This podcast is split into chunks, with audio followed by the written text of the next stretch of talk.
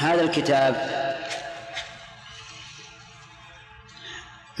يكتب في عدة كتب. يكتب في ليلة القدر بأنه سيموت في اليوم الفلاني في الساعة الفلانية من الشهر الفلاني. وهذه كتابة سنوية. ويكتب أيضا إذا كان الإنسان في بطن أمه حين يبعث إليه الملك ويؤمر بكتب رزقه وأجله وعمله وشقي أو سعيد ويكتب في اللوح المحفوظ قبل خلق السماوات والأرض بخمسين ألف سنة. فهذه كتب لا تتغير. كتابا مؤجلا.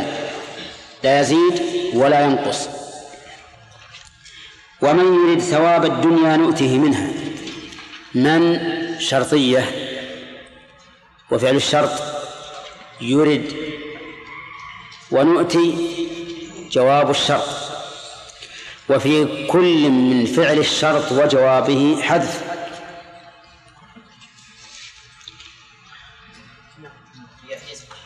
نعم. أما في فعل الشرط فالحذف من وسط الكلمة. وأما في جوابه فالحذف من آخر الكلمة. لأن قوله يرد أصلها يريد. فحذفت الياء لالتقاء الساكنين. ونؤته أصلها نؤتيه. فحذفت الياء للجازم.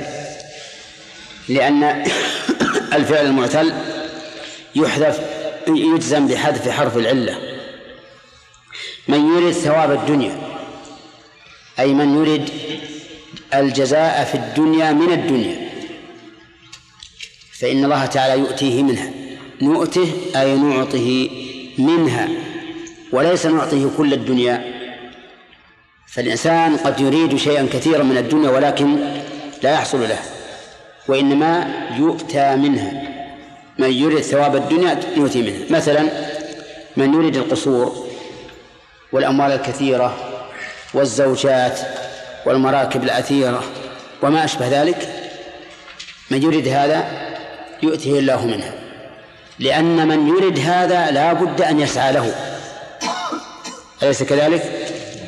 فإذا كان لا بد أن يسعى له فالغالب أن السعي التام يحصل به الموجب ولهذا قال نؤته منها فيقدر الله الأسباب لحصول ما أراده من الدنيا وقوله نؤته منها واضح في أن الله لا يؤتيه كل الدنيا وإنما يؤتى منها وهذا يحتمل أن يكون عائدا إلى ما أراده بمعنى أن الله لا يعطيه كل ما يريد ويحتمل أن يكون عائدا إلى الدنيا من حيث هي على سبيل العموم فيعطيه الله كل ما أراد وعلى كل تقدير فهذه الآية مقيدة بآية الإسراء وهي قوله تعالى من كان يريد العاجلة يعني الدنيا عجلنا له فيها ما نشاء لمن نريد ولم يقل عجلنا له ما يريد قال ما نشاء وهذا يؤيده الواقع فإن كثيرا من الناس يريدون الدنيا ويسعون لها بأيديهم وأرجلهم وألسنتهم وأعينهم وآنافهم ولكن لا يحصلونه. أليس كذلك؟ لأن الله قال قيد هذا العموم اللي هنا قيده في سورة الإسراء بقوله عجلنا له فيها ما نشاء. لا ما يشاء هو ما نشاء لمن نريد. فقيد المعجل والمعجل له ما نشاء لمن نريد. هنا مثله هنا هذا الإطلاق يقيد بذلك. ومن يريد ثواب الآخرة نؤتيه منها. من يريد ثواب الآخرة نؤتيه منها. ولا ولا نعطيه الآخرة كلها. لأن الآخرة الآخرة درجات يختلف فيها الناس. ولا يمكن أن يعطى الإنسان جميع درجات الناس ولكن يعطى من الآخرة. ولهذا قال نؤتيه منها ولكنها تختلف عن عطية الدنيا. كما قال الله تعالى بل تؤثرون الحياة الدنيا. نعم بعده. والآخرة خير وأبقى. فعطية الآخرة ليست كعطية الدنيا بل هي أعظم. ولهذا قال في الآية في آية الإسراء ومن أراد الآخرة وسعى لها سعيها وهو مؤمن فأولئك كان سعيهم مشكورا. ولهذا وهنا قال وسنجزي الشاكرين. فدل ذلك على أن من أراد الآخرة فهو من الشاكرين. وسيجزي الله الشاكرين عز وجل بفضله الواسع. من أتى بحسنة أعطي عشر حسنات إلى سبعمائة ضعف إلى أضعاف كثيرة. الآن يتطهر الإنسان في بيته فيسبغ الوضوء.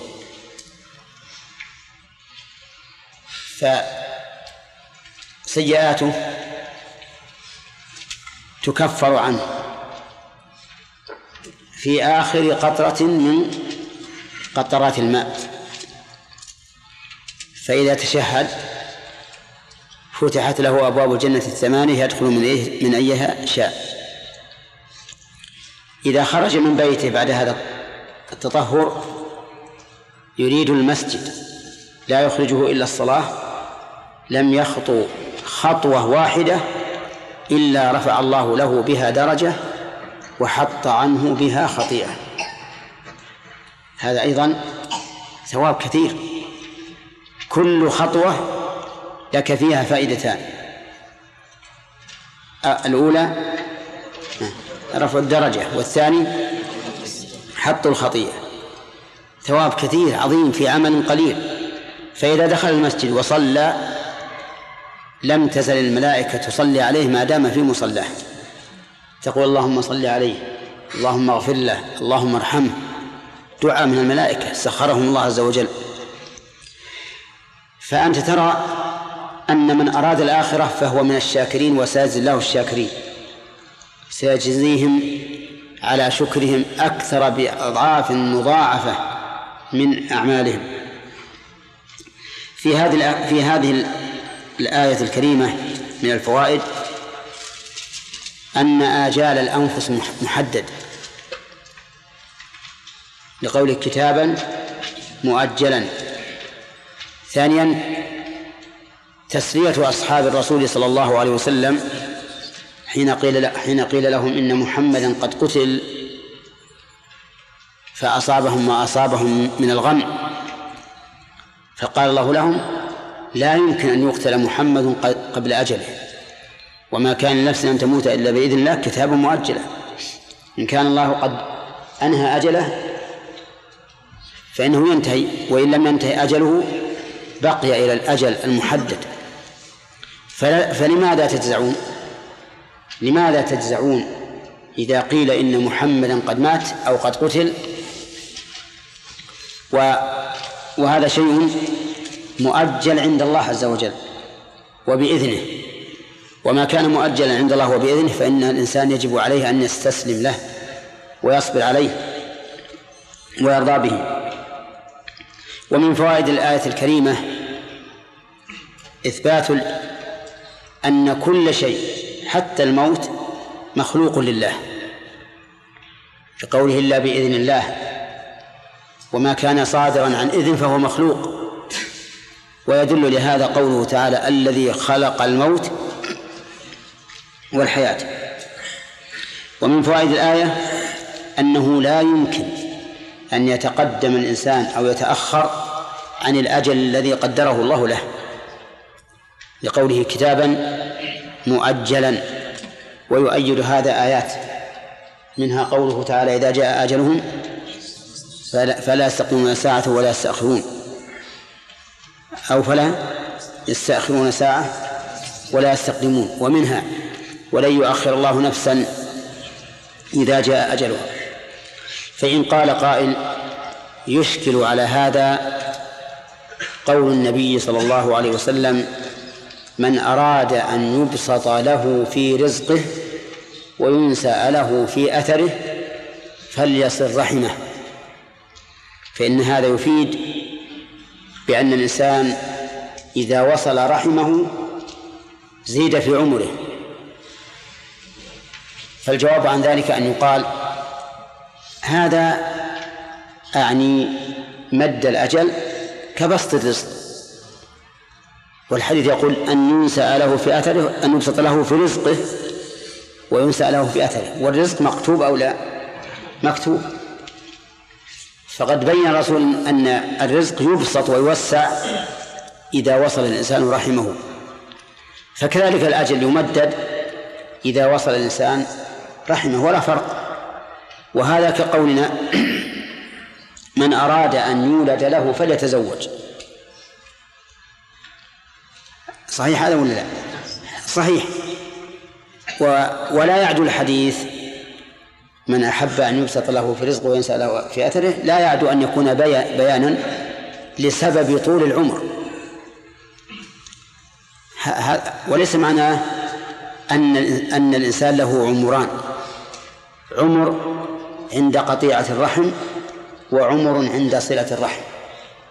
لأن المعلوم عند الله والمكتوب عنده إيش؟ عمر واحد عمر واحد مقرون بسبب ما هو السبب؟ صلة الرحم فإذا وصل الإنسان رحمه علمنا أن له عمرا واحدا زائدا مقرونا بإيش؟ بالسبب كقولنا أيضا يوضح ذلك أنك تقول إذا ما إذا أكل الجائع سلم من الموت صح ولا لا؟ فهذا إنسان على آخر رمق في الحياة. أتينا له بطعام فأكل. وعاش. هل نقول إنه كان له عمران؟ مع أننا لو تأخرنا عن إسعافه بالطعام لمدة دقيقة واحدة لمات فهذا لا نقول له عمران. نقول له عمر واحد. لكن سبب اندفاع الموت عنه الذي حصل من الجوع إيش؟ هذا الطعام. سبب هذا الطعام. فالمسألة ليس فيها إشكال.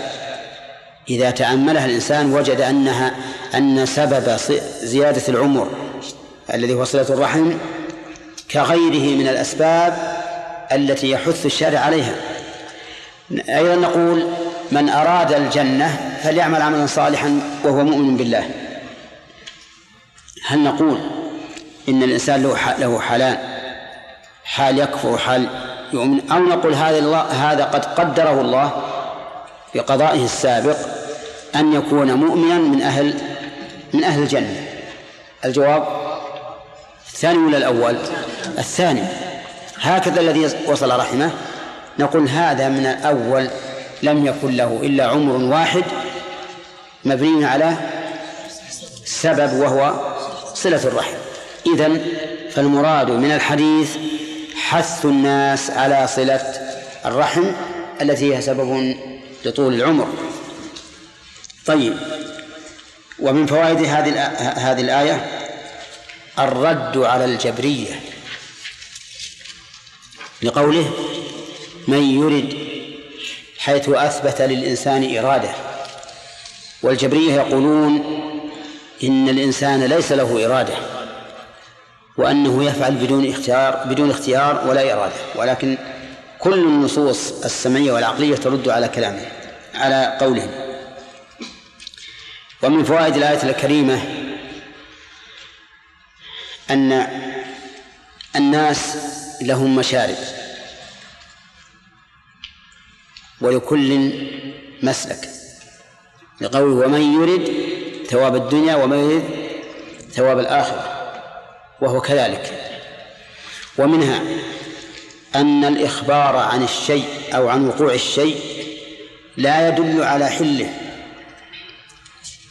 فقوله ومن يرد ثواب الدنيا نؤتيه منها ومن يرد ثواب الآخرة نؤتيه منها لا يدل على حل إرادة الإنسان الدنيا بعمله. لا يريدها لا, لا يدل عليه. إنما هو خبر عن أمر وقع. والحل والحرمة والحرمة يؤخذ من دليل آخر من الشرع. ومن ثم يتبين خطأ من قال إنه لا يشترط للمرأة محرم في السفر لأن الرسول أخبر أن الضعينة تخرج من صنعاء إلى عدن لا تخشى إلا الله ولا تخاف على نفسها. لأن هذا أخبار عن إيش؟ عن الواقع وليس إقرارا له شرعا. ألم يقل الرسول صلى الله عليه وسلم لتتبعن سنن من كان قبلكم؟ قالوا اليهود والنصارى. قال فمن؟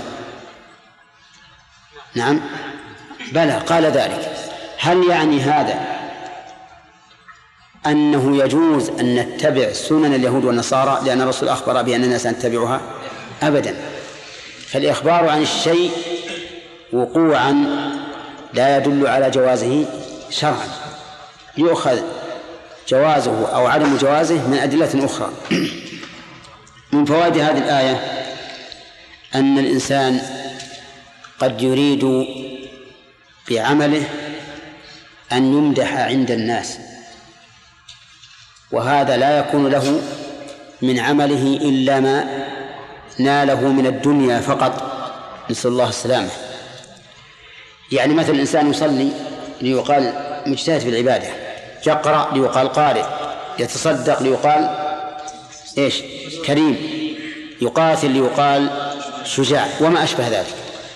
هذا ال- الذي يريدها الذي يريد بعمله الصالح. هذه الأمور الدنيوية. لأن كل هذه من أمور من أمور الدنيا. ليس له حظ في الآخرة. ليس له حظ. من من كان يريد حرث الآخرة نزد له في حرثه.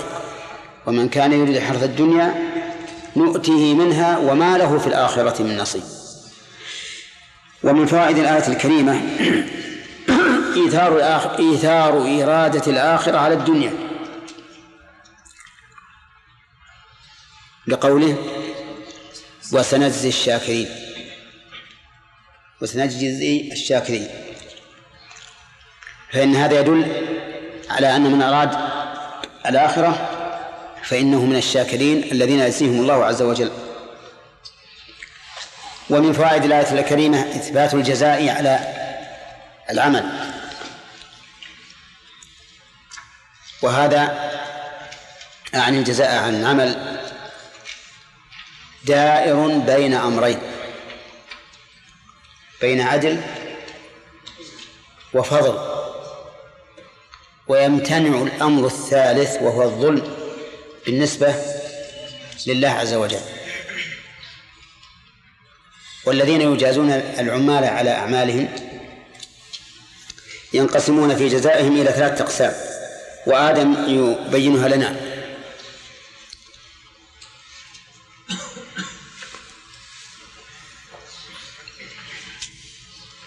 يلا. المنان نعم. عدل وفضل وظلم. الذين يجازون العمال. ولهذا نجد الآن العمال عند كفلائهم. من الكفلاء من يظلمهم. ومنهم من يعطيهم حقهم كاملا ومنهم من يزيد. أما بالنسبة لجزاء الله سبحانه وتعالى فإن الظلم ممتنع. ممتنع على الله. لا عجزا عنه ولكن لكمال عدله سبحانه وتعالى. طيب. وسنجزي الشاكرين. من فوائد الآية أيضا من فوائد الآية الحث على الشكر. لأن الإخبار بأن الله يجزي عن يجزي الشاكرين يراد به إيش؟ الحث على الشكر. والشكر قال العلماء إنه يتعلق بالقلب. واللسان والجوارح. فبالقلب بحيث يشعر الإنسان بنفسه أن هذه النعمة من الله عز وجل لا, لا, لا من حوله وقوته. أي لا من حول الإنسان وقوته ولكنها بفضل الله. باللسان آه يشكر الله يعني يتحدث بنعمة الله. يتحدث بنعمة الله. بلسان الحال وبلسان المقال. فلسان المقال أن يقول أحمد الله الذي فضلني على كثير ممن خلق تفضيلا. أحمد الله الذي أعطاني الولد. أحمد الله الذي أعطاني المال. أحمد الله الذي يسر لي بيتا. وما أشبه ذلك. وبلسان الحال أن يظهر أثر النعمة على العبد. فإن الله يحب من عبده إذا أنعم عليه نعمة أن يرى أثر نعمته عليه وعلى هذا فإذا آتى الله الإنسان مالا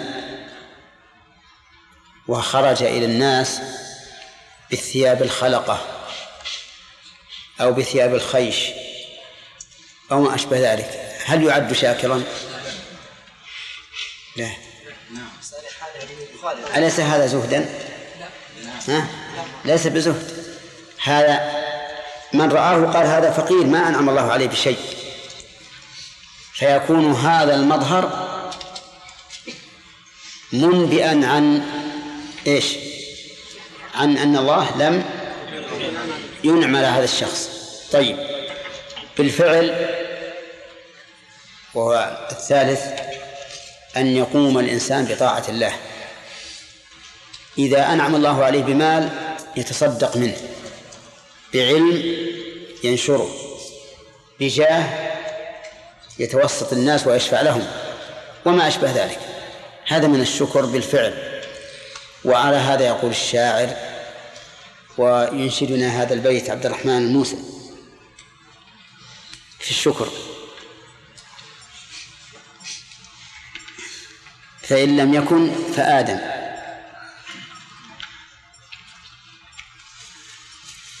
فإن لم يكن فالآدم الثاني.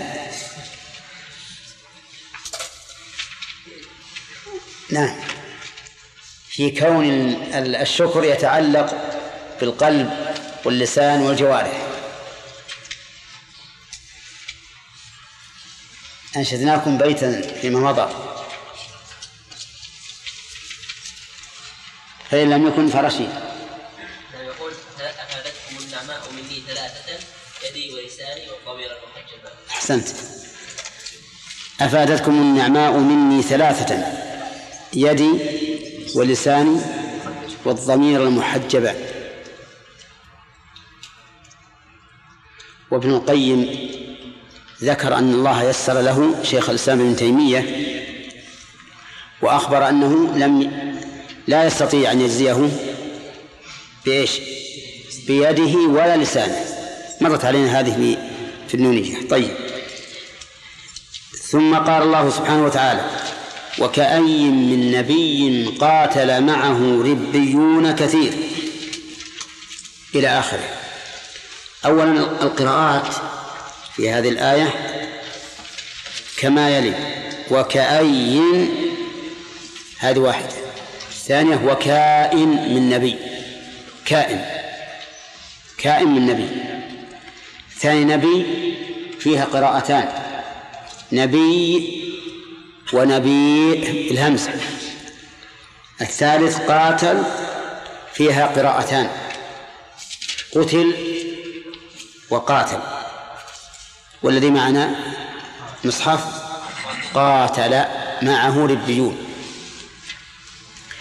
كأي الصحيح أنها كلمة غير غير مركبة؟ يعني بسيطة. البسيطة يعني عند النحويين يعنون بها غير المركب. فإذا قالوا هذه كلمة بسيطة يعني غير مركبة من من كلمتين. فالصحيح أن كأي كلمة بسيطة غير مركبة. وقال بعضهم إنها مركبة من الكاف كاف التشبيه وأي الاستفهامية. ولكن الصحيح خلاف ذلك. الصحيح أنها كلمة بسيطة نطق بها العرب هكذا. كما نطقوا بكم. وأن معنى كأي من نبي معناها كم من نبي. فهي إذن للتكثير للتكثير. وهي مبنية على السكون. كأي أو كائن على اللغتين هي مبنية على سكون النون. أما محلها من الإعراب فهي مبتدأ والجملة التي بعدها خبره. وقوله من نبي جار مجرور مميز لكأي؟ مميز لكأي؟ لأن كأي من الألفاظ المبهمة. كأي من الألفاظ المبهمة. والألفاظ المبهمة تحتاج إلى تمييز. من ذلك مثلا ألفاظ العدد ألفاظ العدد من الأشياء المبهمة. عندي عشرون عشرون إيش؟ تحتاج مبهمة تحتاج إلى تمييز. عشرون رجلا عشرون كتابا عشرون بي بي بيتا عشرون سيارة وما أشبهها. كأي من الألفاظ المبهمة التي تحتاج إلى تمييز وتمييزها يأتي بعدها مجرورا بمن؟ كأي من نبي. طيب. وقول قاتل معه يعني يعني كثير كثير من الأنبياء هذا معنى كم من نبي كأي من نبي؟ كثير من الأنبياء هذا معنى الكلمة. أو ها نعم. وقول قاتل معه ربيون كثير. كلمة قاتل أو قتل اختلف المفسرون فيها فبعضهم وقف عليها. وقال في قراءته وكأي من نبي قتل أو وكأي من نبي قاتل. ثم استأنف فقال معه ربيون كثير وتكون جملة معه ربيون جملة مكونة من مبتدأ وخبر ربيون مبتدأ ومعه خبر مقدم والجملة في موضع نصب على الحال. على الحال من الضمير في قتل أو قاتل. يعني قتل والحال أن معه ربين كثير كثيرا أو قاتل. وقيل إن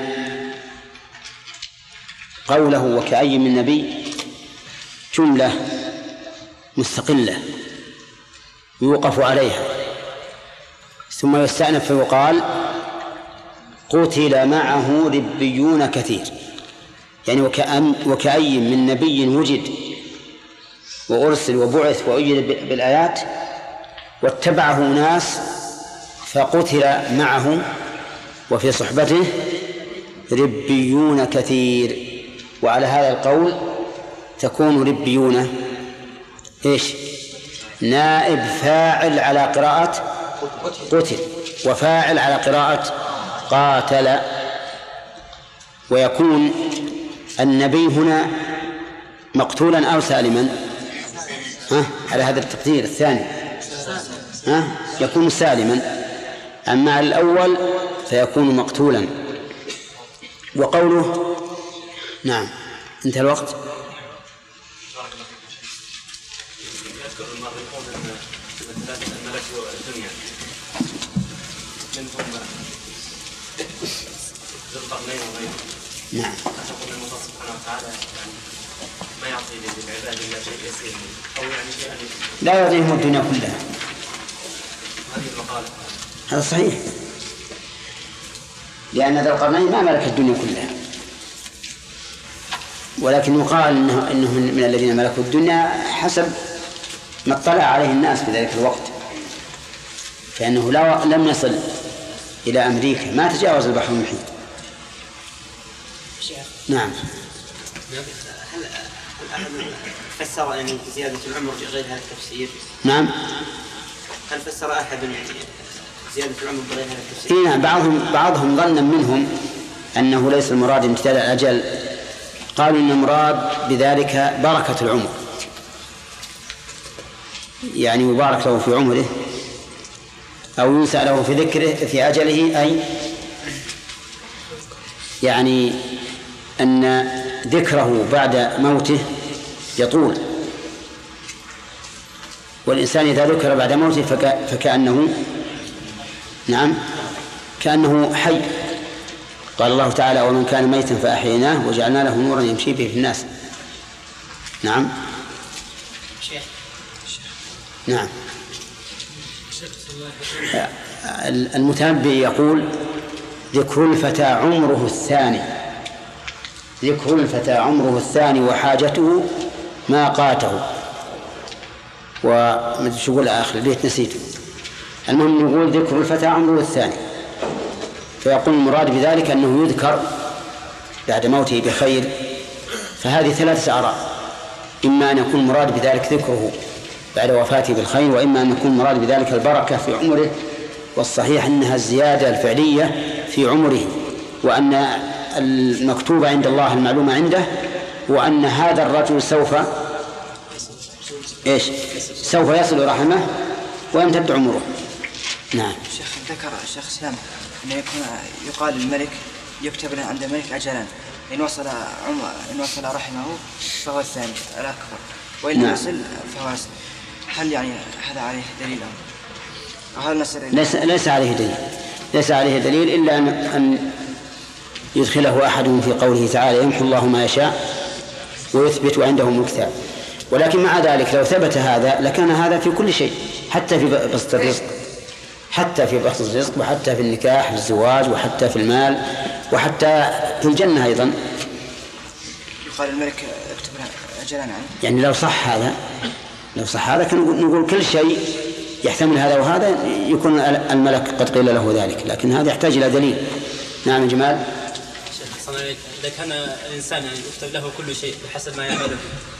فالمؤمن إذا دخل الجنة يقال له هذا مقعدك في الجنة وهذا مقعدك في النار. يعني لو لو أنك عصيت الله. فيعني هل يكون له مق... لكل إنسان مقعد خاص في الجنة ومقعد خاص في النار بحسب عمله؟ أو أنه إي نعم. معلوم. وهو يذكر بهذا لجل يعرف قدر نعمة الله عليه. يقال هذا مقعدك. لو يعني لو كنت من كافرا وهذا مقعدك حين كنت مؤمنا وقد حصل له. مثل ما لو لو قلت لشخص أكرمته. هذا مقامك أو هذا مكانك لو لم تكن بهذا الخلق النبيل. الله علم بما يفعل نقول مثل العلم نعم نعم الله علم لكن الإنسان ما علم فيقال هذا مقعدك لو عصيت الله لأنه لأجل يفرح ويعرف فضل نعمة الله عليه. نعم. أي نعم. يا شيخ جزاك الله خير. أنا نطلب ثلاث احتمالات. ينسى له في في عمره نعم. ينسى له في أجله.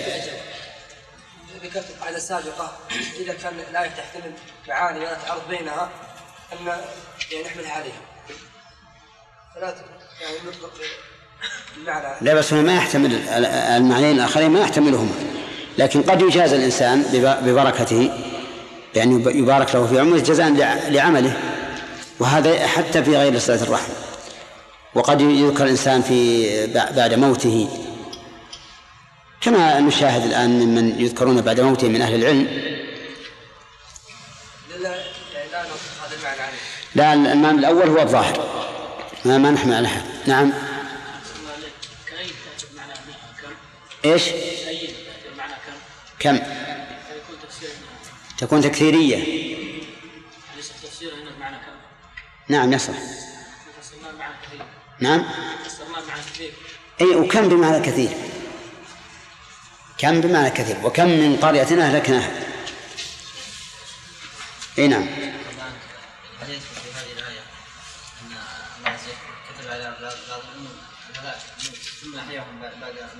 كيف؟ الله عز وجل أهلك بعض الأمم ثم أحياهم بعد موتهم كما؟ بني إسماعيل نعم. ثم أحياهم بعد موتهم أي. كيف؟ مثل من؟ مثل بني إسماعيل الذين قالوا مثل من؟ بني إسرائيل واجد. الذين قالوا من يعقوب إلى يوم القيامة. الذين قالوا لموسى أن الله جهرة طيب. نعم. هذا هؤلاء أحيوا لأن موسى دعا الله عز وجل. دعا الله سبحانه وتعالى أن يحييهم إلا خاف من قومه. ربي لو شئت أهلكتهم من قبل وإياي. لا كتب لهم موت ثم حياة من أصل. لكن هذه الحياة ليست بفعلهم ولا بعملهم. إنما هي من أجل دعاء موسى عليه الصلاة والسلام استجاب الله له. لا أنا ما يتعارض لأن هذا مكتوب عند الله هكذا. هذه الحال التي وقعت مكتوبة عند الله هكذا. هم أميتوا عقوبة لهم على فعلهم. هنا قالوا أرنا الله جهرة وهم يسمعون كلام الله. فقالوا لن نؤمن لك حتى نرى الله جهرة وهذا ليس إليه فعوقبوا بالموت. صعد ثم إن موسى عليه الصلاة والسلام دعا ربه فأحياهم. ليس في حديث والد جابر الذي قال عندما كلمه الله كفاحا قال إني كتبت عليهم أنهم إليها لا يرجعون. إني قريت أنهم إليها لا يرجعون. صح. ما يتعارض بارك الله فيك. ما يتعارض. والسبب في هذا أنه كما قلت لك أن هؤلاء أوحيوا لا لأجل أن ينعموا لكن من أجل درء المفسدة التي تكون على موسى.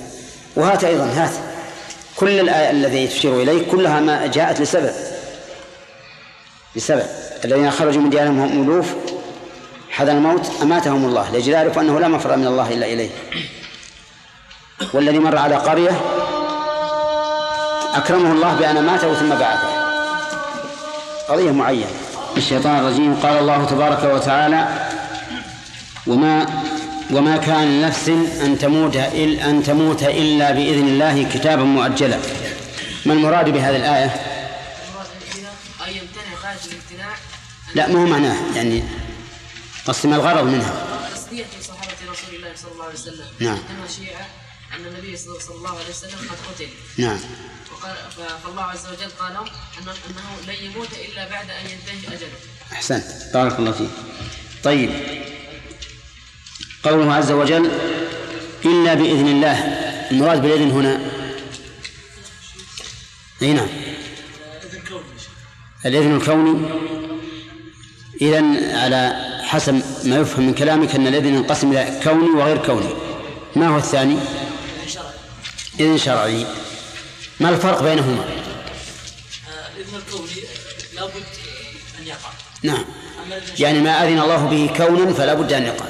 بخلاف هذا واحد. ما في فرق ثاني؟ ذا الملك. الاذن الكوني قد يكون محبوبا إلى الله عز وجل قد لا يكون محبوبا. نعم. وأما الشرعي فهو محبوب إلى الله عز وجل. فلا يأذن الله إلا بما يحب. تمام. أن الإذن الكوني والشرعي اجتماعا في حق المطيع و لا هذا بم... هذه النسبة. طيب آه، هل لك أن تأتي بمثال يا زهير؟ بمثال للإذن الشرعي. شرعوا لهم من الدين ما لم يأذن به نعم. هذا في النفي. أم لهم شركاء شرعوا لهم من الدين ما لم يأذن هذا في النفي. نعم. والإثبات؟ من الله ورسوله لا.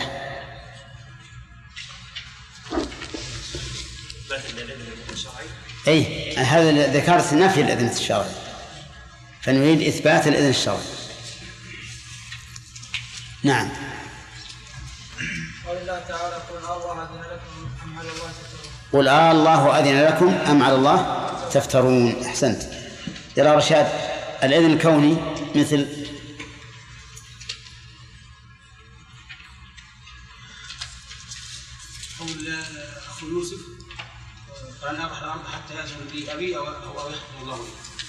لا هذا الحكم الكوني نحن نريد الإذن الكوني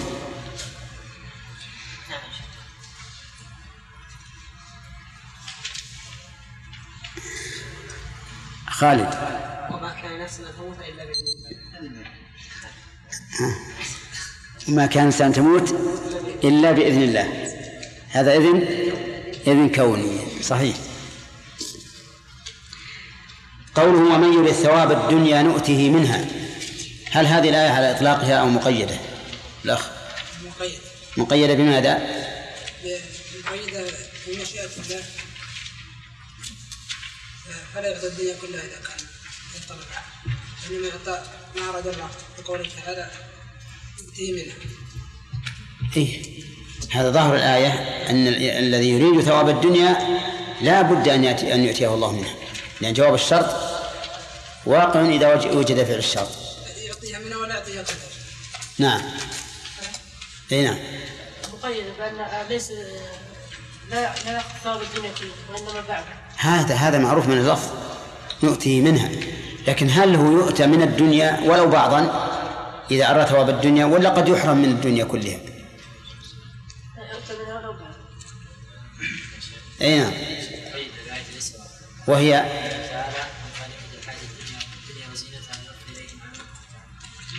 ما هي آية الصحابة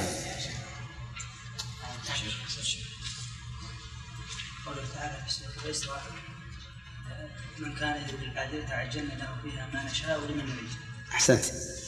من كان يريد العاجلة عجلنا له فيها ما نشاء لا ما يريده هو. لمن نريد؟ أحسنت. طيب. قوله وسنجزي الشاكرين ختمت بها الآية خالد إشارة إشارة أن من يريد ثواب الآخرة فهو من الشاكرين. نعم. وسيعطى أكثر مما أراد. سيعطى أكثر مما أراد. لأن الله قال وسنجزي الشاكرين. طيب. أحسنت.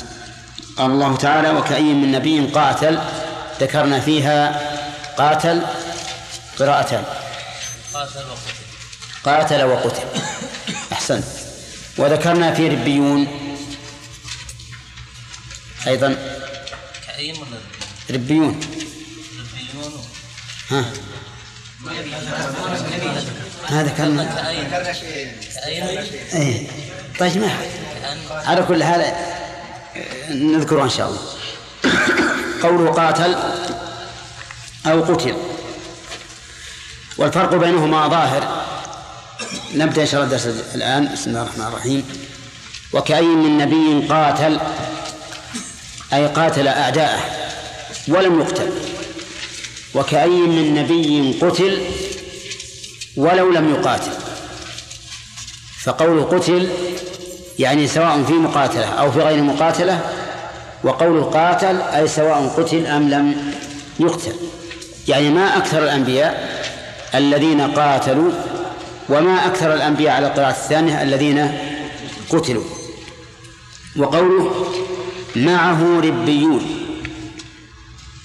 مع ظرف وهي خبر مقدم وربيون مبتدا مؤخر.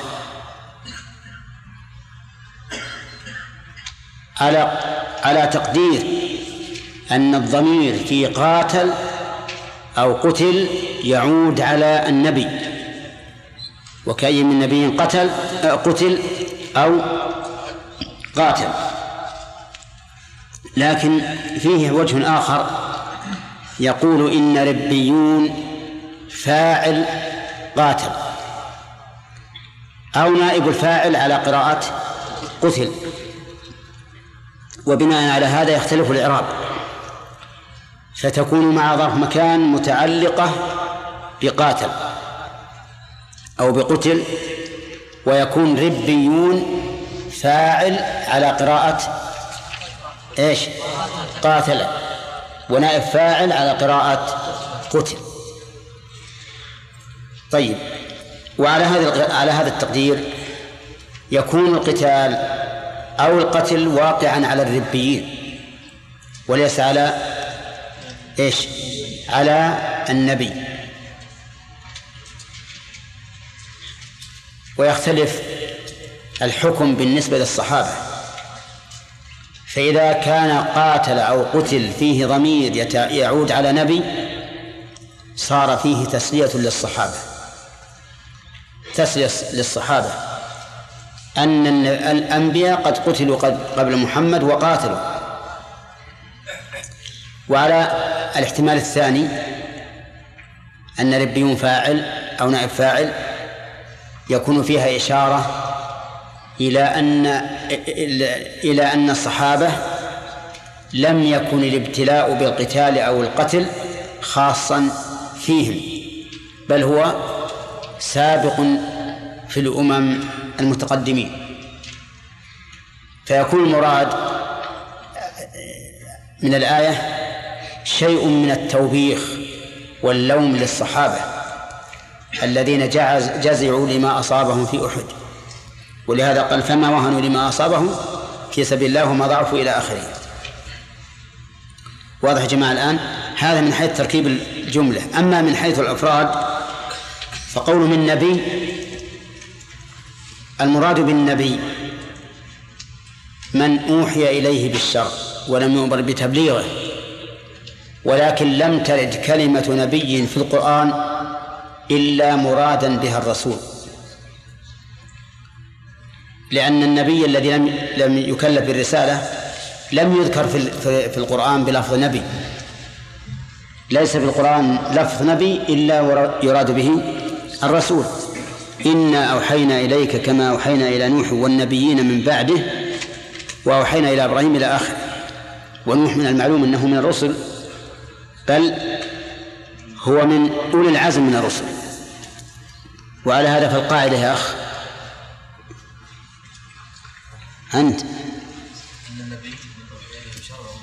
هذا القاعدة. نعم. الجماعة يخالفونك. قاعدة أن ما ذكر عن النبي في القرآن يعتبر رسول. ما سرحت. أبد. من هذه القاعدة إلا أنت ما سرحت أبى أشوف عن فراسته جيدة ولا؟ نعم؟ اجزم خلنا نمشي يا أخي. ها؟ نعم؟ طيب على كل حال أن النبي عند أهل العلم من أوحي إليه بالشر ولم يؤمر بتبليغه والرسول من أوحي إليه بشرع وأمر بتبليغه. ولهذا سمي رسول رسولا من الرسالة. ولكن كل ما ذكر في القرآن من الأنبياء فهو رسول. طيب. أشكل على بعض الناس. قال كيف يوحى إليه بالشرع ولا يؤمر بالتبليغ؟ ولكن هذا في الحقيقة ليس محل إشكال. لأنه يمكن الجواب عنه بأنه يوحى إليه بالشرع ليتعبد به ويكون هذا من باب التذكير له إذا كان نبيا بعد بعد الرسل. ومن باب البيان له إذا كان نبيا لم يسبق برسل. مثال الثاني آدم فإن آدم نبي ولم يسبق برسل. ومثال الأول ما وجد من أنبياء بني إسرائيل الذين ليس لهم أتباع ولم يؤمروا بالتبليغ. في فيكون إنباء الله لهم من باب التفضل عليهم بذكر الشريعة السابقة وإحيائها. وإن كانوا لم يلزموا بأن يبلغوا الناس. وبهذا يزول الإشكال. فيمكن أن الله ينبئ أحدا ولا يأمره ولا ولا يكلفه بالإبلاغ. وقوله قاتل معه ربيون قاتل أو قتل المقاتلة مفاعلة تقتضي وجود مدافعة بالقتل من الجانبين وهي أعم من القتل ولهذا قد تجوز المقاتلة ولا يجوز القتل فالذين لا يؤذنون لو وجدنا قرية لا يؤذنون مثلا. فإنه يجب قتالهم. ولكن لا يجوز قتلهم. يعني أننا إذا قدرنا على المعين ما نقتلهم. ولكن نقاتلهم حتى يؤذنوا مثلا.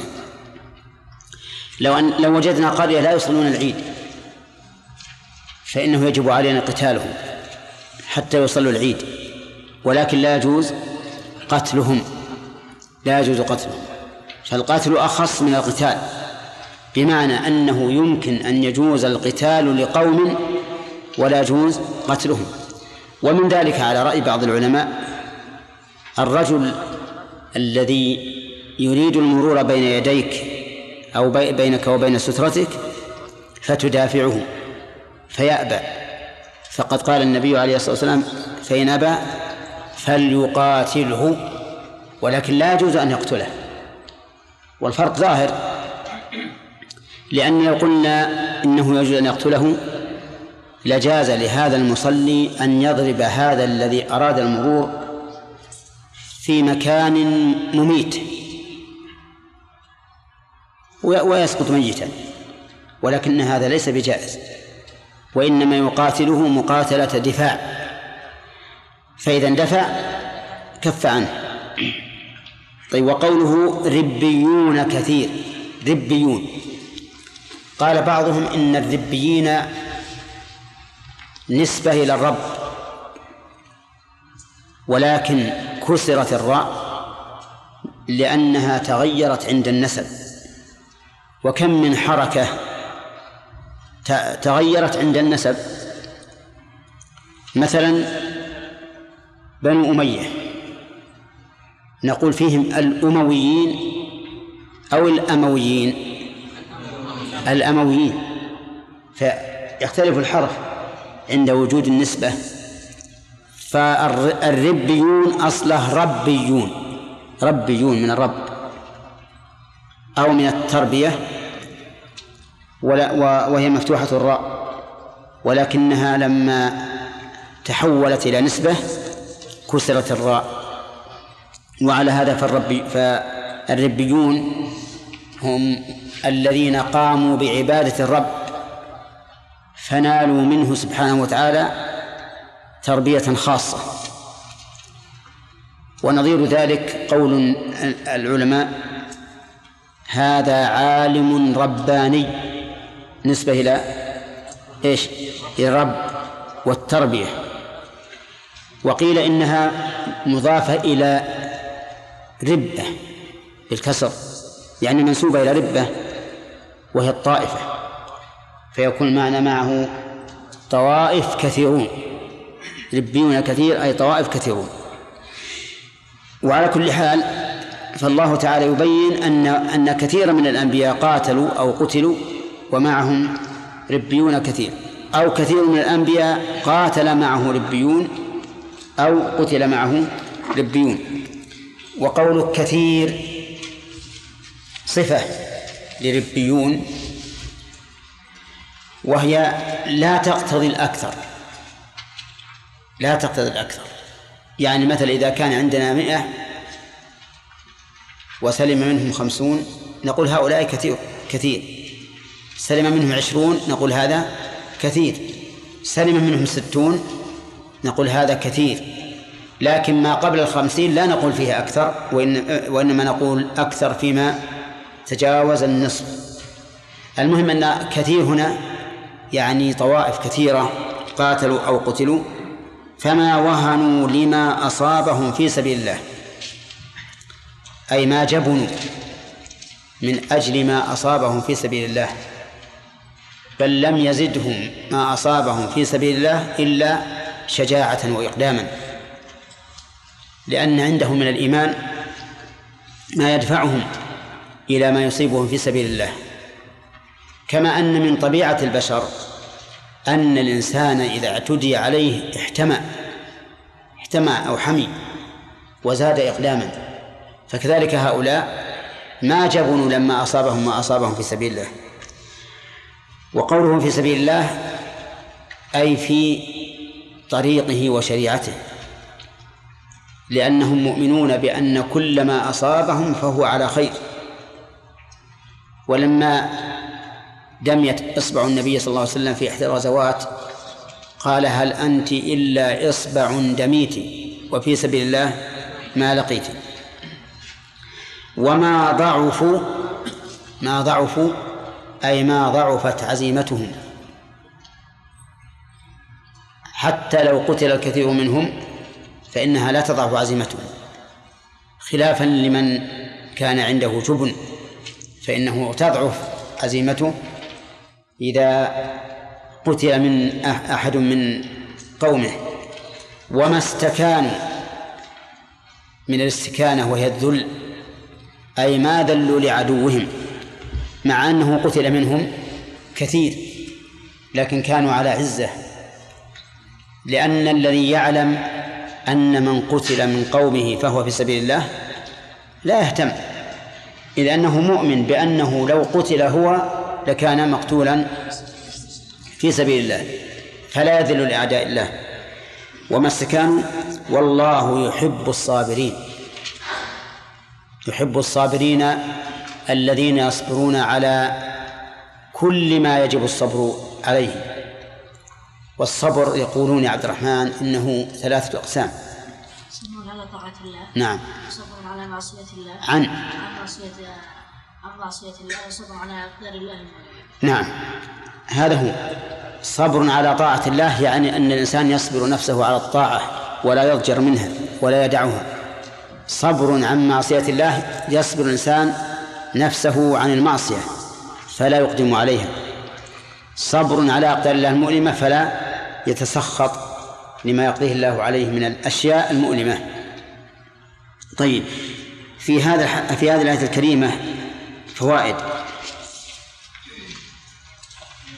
الف... من فوائد الآية الكريمة أن الله سبحانه وتعالى له عناية خاصة بهذه الأمة حيث يسليهم بما حصل للأمم السابقة. لقوله وكأي من نبي قتل على قراءة الوقف. ومن فوائدها أن الجهاد مشروع في غير هذه الأمة. لقوله قاتل والقتال من الأنبياء وأتباعهم لا يكون إلا عن جهاد وهو كذلك. ومن فوائد هذه الآية هذه الآية الكريمة الثناء على من سبق ممن يستحق الثناء. ولهذا قال فما وهنوا إلى آخره. ومن فوائدها أن من طرق التشجيع على الشيء والإغراء به أن يذكر للإنسان سلف يقتدي به ويتشجع للحاق به. لقوله فما وهنوا لما أصابهم في سبيل الله إلى آخره. ومن فوائد هذه الآية الكريمة الإشارة إلى انحطاط مرتبة الذين يذلون لأعداء الله. من أين تؤخذ؟ من قوله وما السكان وذلك أن الإنسان المؤمن يجب أن يكون أشم كالطود العظيم. بالنسبة لأعداء الله. حتى إنه يجوز للإنسان الخيلاء وجر الثوب في مقابلة الأعداء. كما قال النبي عليه الصلاة والسلام إنها لمشية يبغضها الله إلا في هذا الموطن. حتى إن بعض العلماء قال يجوز للجيش الإسلامي أن أن يصبغ بالسواد رأسه ولحيته أمام الأعداء من أجل إرهابهم لأنهم يظنون أن المقابل لهم شباب. على كل حال سواء قلنا بهذا القول أم لم نقل ينبغي للإنسان ألا يذل أمام عدوه بل أن يظهر العزة له. بالقول وبالفعل لأن إذلال الكافرين محبوب إلى الله. قال الله تبارك وتعالى في وصف النبي صلى الله عليه وسلم وأصحابه محمد رسول الله والذين معه أشداء على الكفار رحماء بينهم تراهم ركعا سجدا يبتغون فضلا من الله ورضوانا سيماهم في وجوههم من أثر السجود ذلك مثلهم في التوراة. ومثلهم في الإنجيل كزرع أخرج شطأه فآزره فاستغلظ فاستوى على سوقه يجب الزراع ليغيظ بهم الكفار ليغيظ بهم الكفار. وقال الله تعالى ولا ينالون من عدو نيلا ولا يطعون موطئا يغيظ الكفار ولا ينالون من عدو نيلا إلا كتب لهم به عمل صالح. فكل شيء تغيظ به الكفار فهو قربة لك عند الله. كل شيء تنال به الكفار من أذى أو قتل أو غير ذلك فإنه قربة يقربك إلى الله عز وجل. إلا إذا كان بينك بيننا وبينهم عهد فإن الوجاء فإن الواجب الوفاء في عهدهم. لقول الله تعالى فما استقاموا لكم فاستقيموا لهم إن الله يحب المتقين. ومن فوائد الآية الكريمة إثبات المحبة لله. لقوله والله يحب الصابرين. والمحبة صفة من صفات الله تعالى المتعلقة بمشيئته. فهي من الصفات الفعلية لأنها تتعلق بالمشيئة. ووجه كونها تتعلق بالمشيئة أنها مربوطة بسبب. وكل صفة مربوطة أو معلقة بسبب فإنها من الصفات الفعلية. وبناء على هذه القاعدة المفيدة نقول الرضا فعلية. ليش؟ أي مربوط بسبب. الفرح الضحك وهكذا. كل صفة معلقة بسبب أو مربوطة به فإنها من الصفات الفعلية. طيب. وهل وهل الله يحب ها؟ نعم. يحب ولا ألذ للإنسان من محبة الله من كونه يحب الله عز وجل. ولذلك إذا قمت تصلي وأنت صافي القلب بعيدا عن الدنيا مقبلا على الله تجد في هذه الصلاة محبة لله ولذة عظيمة. تنسيك الدنيا كلها. لأنك لأنك لا تجد شيئا ألذ من محبة الله سبحانه وتعالى. طيب. ومر علينا كثيرا ولا حاجة إلى التكرار أن أهل التعطيل ينكرون حقيقة المحبة. ويقولون إن المراد بالمحبة إيش؟ الإثابة. أو إرادة الإثابة يعني الشيء المخلوق المنفصل عن الله وهو الثواب أو الإرادة. فمعنى يحبهم على يحب الصابرين على قولهم أن يثيبهم أو يريد أن يثيبهم.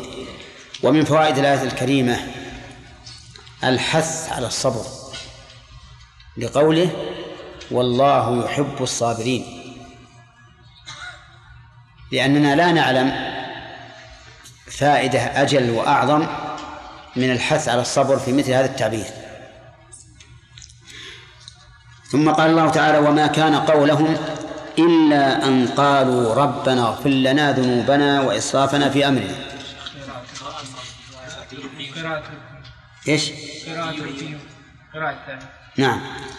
أما على قراءة ما أشوف إيش ما فيها قراءة كيف؟ يعني في الأول ما هو قرانا قلنا إنها مشتقة من الرب أو من الربة فقط. أما القراءة ما فيها إلا قراءة واحدة لكن قاتل هي اللي فيها قراءتين ها؟ لا أنا ما جاءت ما جاءت. ثم قال تعالى وما كان قولهم إلا أن قالوا ربنا اغفر لنا ذنوبنا إلى آخره. فنسأل الأخ عبد الله لماذا صار اسم كان مرفوعا هنا؟ لماذا كان اسم كان منصوبا؟ لأن بطل العمل كان. فإذا بطل عملها نصب اسمها. يقتضي إذا بطل عملها أن يرفع على المبتدأ لأن الأصل أنه مرفوع. واسمها هذا خبر. وما كان قولهم هذه تامة. تامة. وإذا كانت تامة وجب نصب اسمها. لا. هنا يا شيخ ناقص. ناقصة طيب. إذا كانت ناقصة فهي ترفع المبتدأ وتنصب الخبر.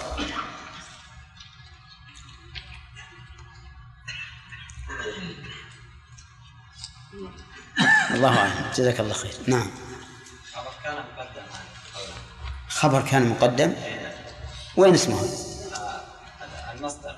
المؤول. أن قال أن وما دخلت عليه في تأويل المصدر. إيه. إذن وما كان قولهم إلا قولهم. ربنا اغفر لنا ذنوبنا. واضح؟ هل يجوز أن يقدم خبر كان على اسمها؟ آدم بن زكريا.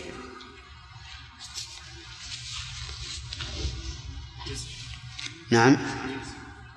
يجوز أن يقدم خبر كان على اسمه عندك شاهد لذلك؟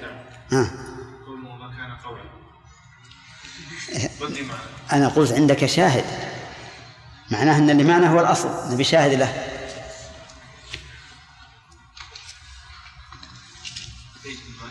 إي نعم. إي نعم. قول مالك كان سيدا عمر. اي هذا ما هو شاهد لأن علماء النحو ما يستشهد بأقوالهم. ما ندري الأصل. إذا جاءنا شاهد من كلام العرب أو من القرآن الكريم عملنا به. الله كان بعباده خبيرا ها؟ كان بعباده خبيرا بعباده لهم الذنوب هذا خبر خبيرا لا الخبير هو الخبر ما يستقيم ان أصلا المبتدا والخبر والمبتدا والخبر يجوز تقديم الخبر فيه على المبتدا بس نبي شاهد نعم. ما كان جواب قومه نعم. قالوا. ما كان جواب قومه إلا أن قالوا إلا أن قال ما يكفي. طيب. هذا قدم الخبر على الاسم على الخبر؟ نعم. نعم. وكان حقا علينا نصر المؤمنين. هذا في القرآن.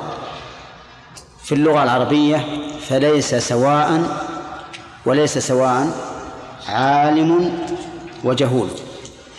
وليس سواء عالم وجهول. طيب. شيخ شيخ سلام الله ليس إيه من أخوات كان؟ شيخ نعم. سلام الله إليك ذكرنا سبب الكسر في ربيون هو النسبة. أنه أنه بالنسب تغير بالنسب. ونحسن الله إليك. ما يعطي على هذا قول الله عز وجل ولكن كونوا ربانيين بما كنتم تعلمون الكتاب وبما كنتم تدرسون إيه. هنا الفتحة نعم. معناها في نسبة. أي نعم. بس مختلفة. ولكن كونوا ربانيين هنا المر- المراد بها علماء ربانيين. أما هذه فالمراد به مجاهدون. نسبة إلى التربية. لكن العلماء الربانيين أليسوا منسوبين إلى التربية و يعني كالمجاهدين وإلى الرب أيضا. وإلى الرب. وإلى الرب. لكن ليس ليس المراد المجاهدين. يعني هذا هل هذا يؤثر؟ ربما هذا هذا التأثير. ولا ولا ال- اللي ذكرت لا شك أنها ت- ترد على هذا. نعم. الله إليكم بالنسبة للذين أجازوا يعني أصحاب الجيش يسووا لحاهم في السواد ألا يكون هذا استحسان في مقابل النص هذا الجزء وش تقولون في هذا؟ يقول الذين أجازوا صبغ السواد آه، صبغ الشيب بالسواد في قتال الأعداء. أليس هذا آه، استحسانا في مقابلة النص؟ نعم. ما هو؟ الخيلاء إيه. هذا نص. أيهن أيهن قول الرسول على مشيه هذا نص. إيه لا بأس. ال- الخيلاء لا بأس جائزة في الحرب لكن صبغ ال- ال- الشيب بالسواد. للعلة يا شيخ. الظاهر يا شيخ الله إليك بأنه الاستصحاب فعلا في مقابلة النص فلا يصح هذا القول. نعم. لأن النبي صلى الله عليه وسلم نهى عن تغيير الشيء بالسواد. نعم. هو الأقرب عندي هو هذا. أنه استحسان في مقابلة النص. وكم من شيخ كان أشد بأسا من الشاب إيه. نعم.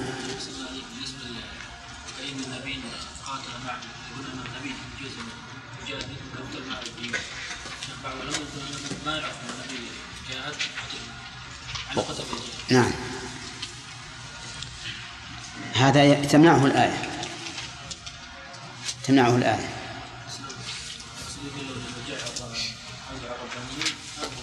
أي ما إحنا نقول ما دام الآية فيها احتمال فأين الدليل على أن أنه ما من ما من, نبي أمر بالجهاد؟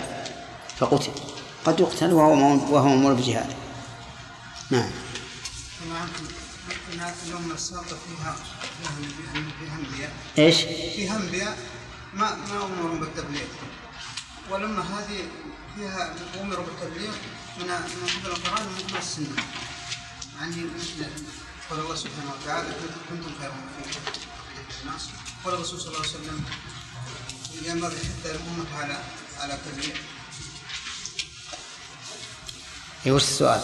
يعني السؤال إن الأمة هذه أي نعم. محمد صلى الله عليه وسلم يعني امروا اي نعم. لأن لأن العلماء في هذه الأمة هم هم ورثه النبي عليه الصلاة والسلام. ولهذا قال الله تعالى ولكن رسول الله وخاتم النبيين ولم يقل وخاتم الرسل. إشارة إلى أنه ما فيه نبي في هذا في هذا في هذه الأمة. من الشيطان الرجيم. قال الله تعالى وما كان قولهم إلا أن قالوا ربنا اغفر لنا ذنوبنا وإسرافنا في أمرنا وثبت أقدامنا وانصرنا على القوم الكافرين. لما ذكر الله سبحانه وتعالى حسن فعل هؤلاء الربيون الذين قاتلوا مع الأنبياء وقتلوا وأن وأنهم ما وهنوا لما أصابهم في سبيل الله وما ضعفوا وما استكانوا. وهذا حسن فعل. ذكر حسن قولهم. فقال وما كان قولهم إلا أن قالوا. وهذه جملة مفيدة للحصر. يعني حصرت أقوالهم عند هذه المصائب أنهم سألوا الله المغفرة مغفرة الذنوب والإسراف وسألوه الثبات. وذلك لأن ما أصابهم إنما أصابهم بالذنوب كما قال الله تعالى أول أولما أصابتكم مصيبة قد أصبتم مثليها. قلتم أن هذا قل هو من عند أنفسكم. إذن علاقة هذه الآية بما قبلها أنه لما ذكر حسن فعالهم ذكر حسن مقالهم. طيب قوله وما كان قولهم إلا أن قالوا.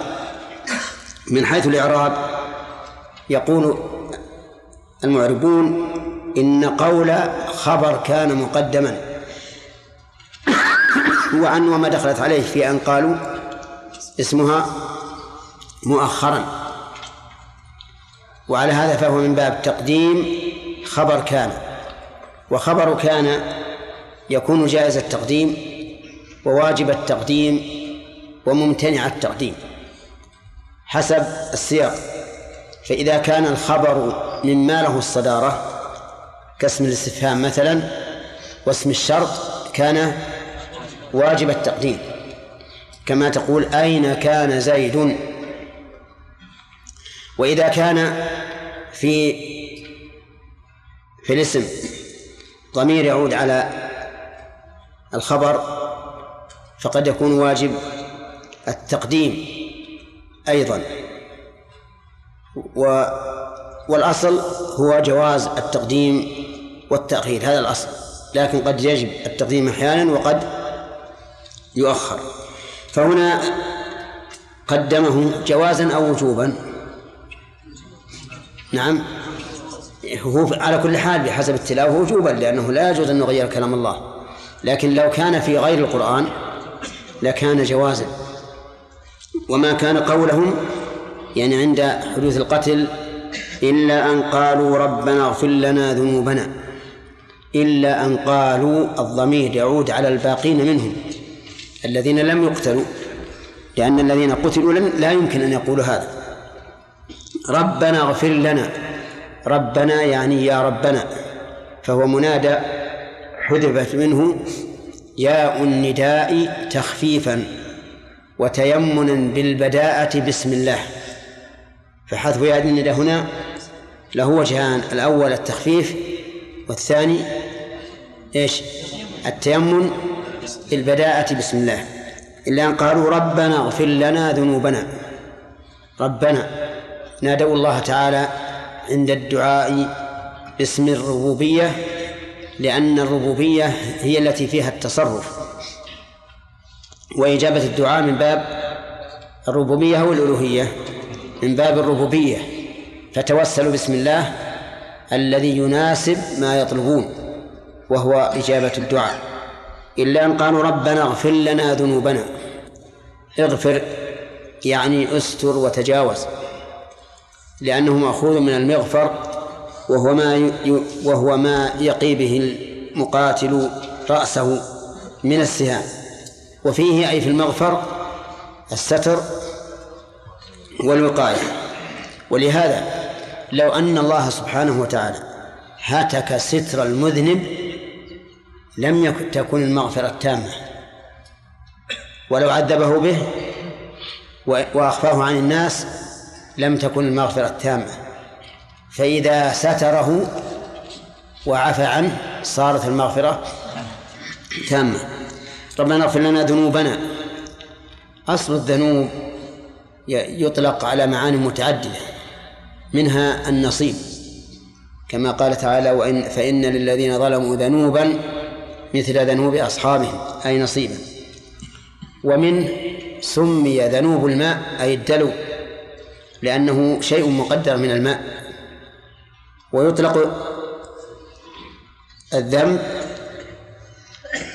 على الإثم لأنه نصيب العامل. فمن يعمل مثقال ذرة خيرا يره ومن يعمل مثقال ذرة شرا يره. فهذه المادة الذال والنون والباء تدور حول هذا المعنى. ذنوبنا وإسرافنا في أمرنا. الإسراف مجاوزة الحد. ومجاوزة الحد هي إما في غلو وإما في تقصير. أما مجاوزة الحد في الغلو فظاهر وأما في التقصير فلأن المطلوب من المكلف أن لا يتعدى حدود الله. تجاوزا ولا يقربها أيضا. فإذا كان الإنسان فاعلا للمحرم فهو مسرف لأنه تجاوز حد العبودية إذ مقتضى العبودية أن يكون مجتنبا لما حرم الله. وإذا فرط في الواجب كان مسرفا أيضا في فيما تقتضيه الربوبية العبودية. لأن مقتضى العبودية أن يكون قائما بالواجب. فالإنسان قد يسرف في الواجب وفي المحرم وفي المباح أيضا كما لو أسرف في الإنفاق على نفسه وعلى أهله فإنه داخل في الإسراف. وقول في وإسرافنا في أمرنا.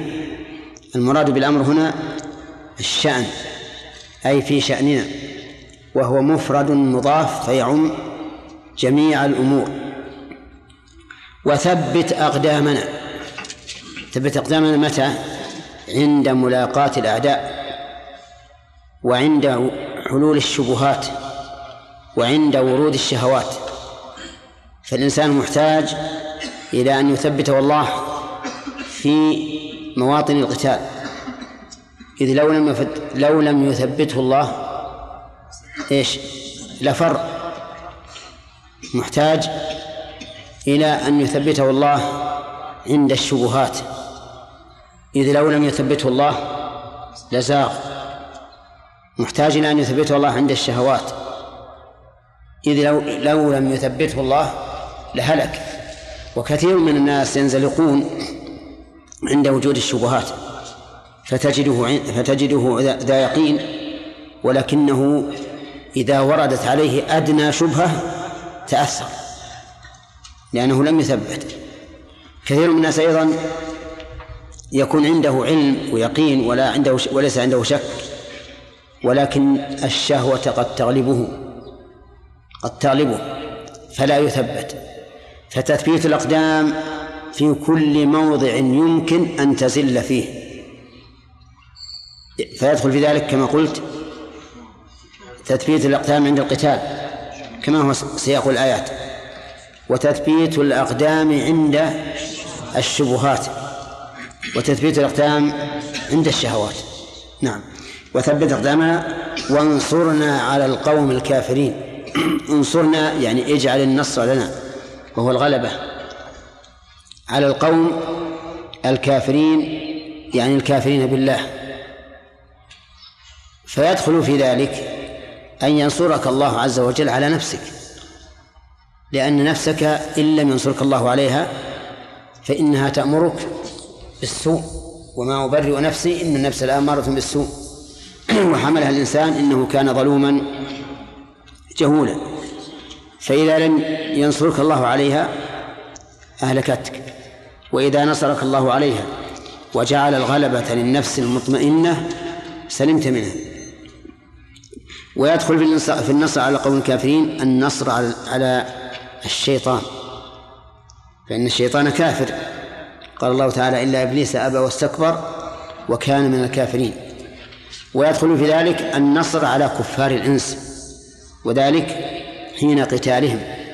فإن فإن الإنسان إذا لم ينصره الله عليهم فإنه لا ناصر له. كما قال تعالى إن ينصركم الله فلا غالب لكم وإن يقتلكم فمن الذي فمن فمن ذا الذي ينصركم من بعده. طيب. في هذه الآية من الفوائد أن هؤلاء الربيون إن هؤلاء الربيين الذين قاتلوا مع النبي كملت منهم الأفعال والأقوال. الأفعال ما استكانوا ما ما ضعفوا ما وهنوا. فما وهنوا ما أصابهم في سبيل الله. وما ضعفوا وما استكانوا. الأقوال أنهم لجأوا إلى الله عز وجل بسؤال المغفرة مغفرة الذنوب والإصرار في الأمر لأنهم يعلمون أن ما أصابهم إنما هو بسبب الذنوب. ومن فوائد هذه الآية أنه ينبغي للإنسان أن يدعو الله تعالى بهذا الدعاء لا سيما عند ملاقاة الكفار حتى ينتصر عليهم. ربنا اغفر لنا ذنوبنا وإسرافنا في أمرنا وثبت أقدامنا وانصرنا على القوم الكافرين. ومن فوائد هذه الآية أن الإنسان مفتقر إلى مغفرة الله لقوله ربنا اغفر لنا ولو كان غنيا عنها ما سألها ولكنه مفتقر إليها غاية الافتقار. حتى أن النبي عليه الصلاة والسلام لما حدث أصحابه أنه لن يدخل الجنة أحد بعمله قال ولا أنت قال ولا أنا إلا أن يتغمدني الله برحمته. ومن فوائدها أيضا أن الإنسان لا يخلو من الإسراف على نفسه. لا يخلو من الإسراف إما في غلو وإما في تقصير. وذلك ووجه ذلك أن سؤالهم الله أن يغفر لهم الإسراف يدل على وجود هذا الشيء يدل على وجوده وأنت إذا تأملت نفسك وجدتك وجدت أنك لن تخلو من الإسراف.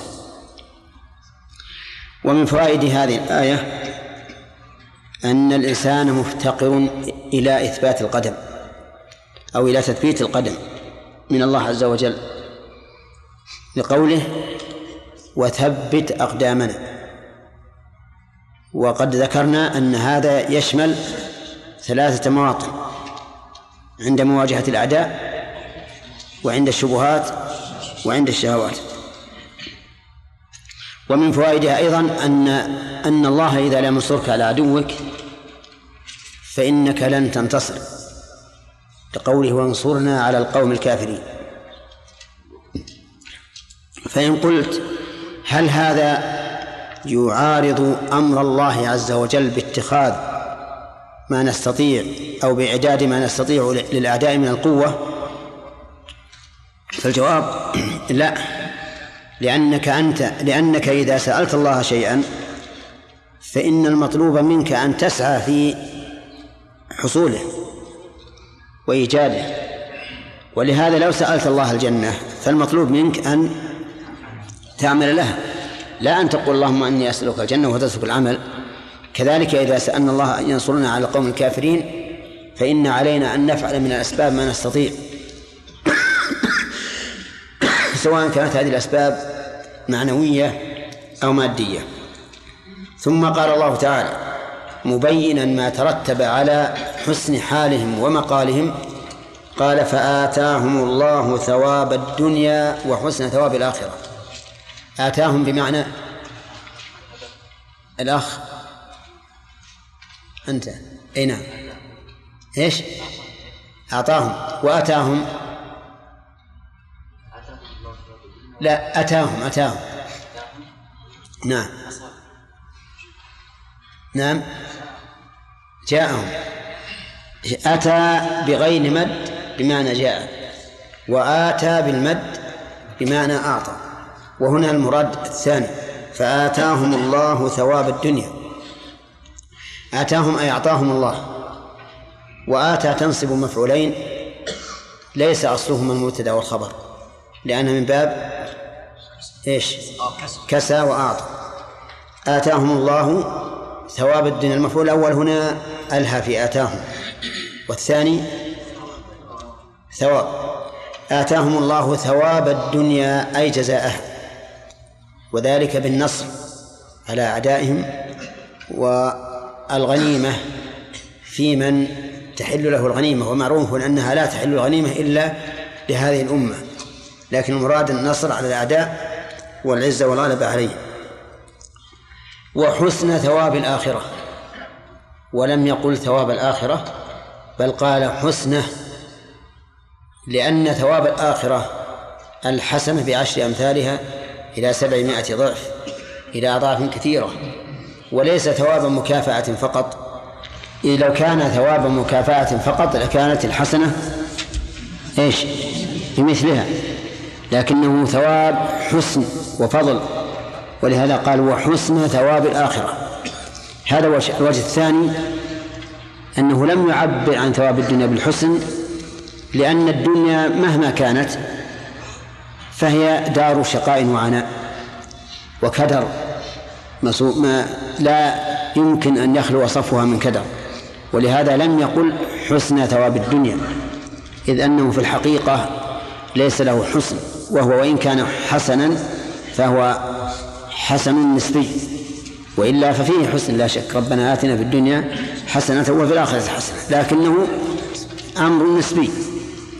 حتى المنعمون بالنعمة تجدهم أحيانا يأتيهم ما ينقص هذه النعمة. طيب يقول وحسن ثواب الآخرة يعني يوم القيامة وذلك برفعة برفعة الدرجات في جنات النعيم والنجاة من دركات الجحيم. والله يحب المحسنين يعني أنهم هم محسنون فأحبهم الله عز وجل. وكان من مقتضى محبته لهم هذا الثواب الحاصل في الدنيا وفي الآخرة. وقوله يحب المحبة صفة من صفات الله حقيقية فهو يحب عز وجل حقيقة وليس محبته بمعنى الثواب أو الجزاء. كما قاله بعض أهل التحريف الذين ينكرون من الصفات ما ينكرون ومنها المحبة فإنهم ينكرونها ويقولون إن الله لا يحب بل ولا يحب. وتعليلهم أن الحب لا يكون إلا بين إيش؟ متجانسين مخلوق ومخلوق. ولكن نقول لهم هذا باطل فالحب قد يكون بين شيئين متباعدين.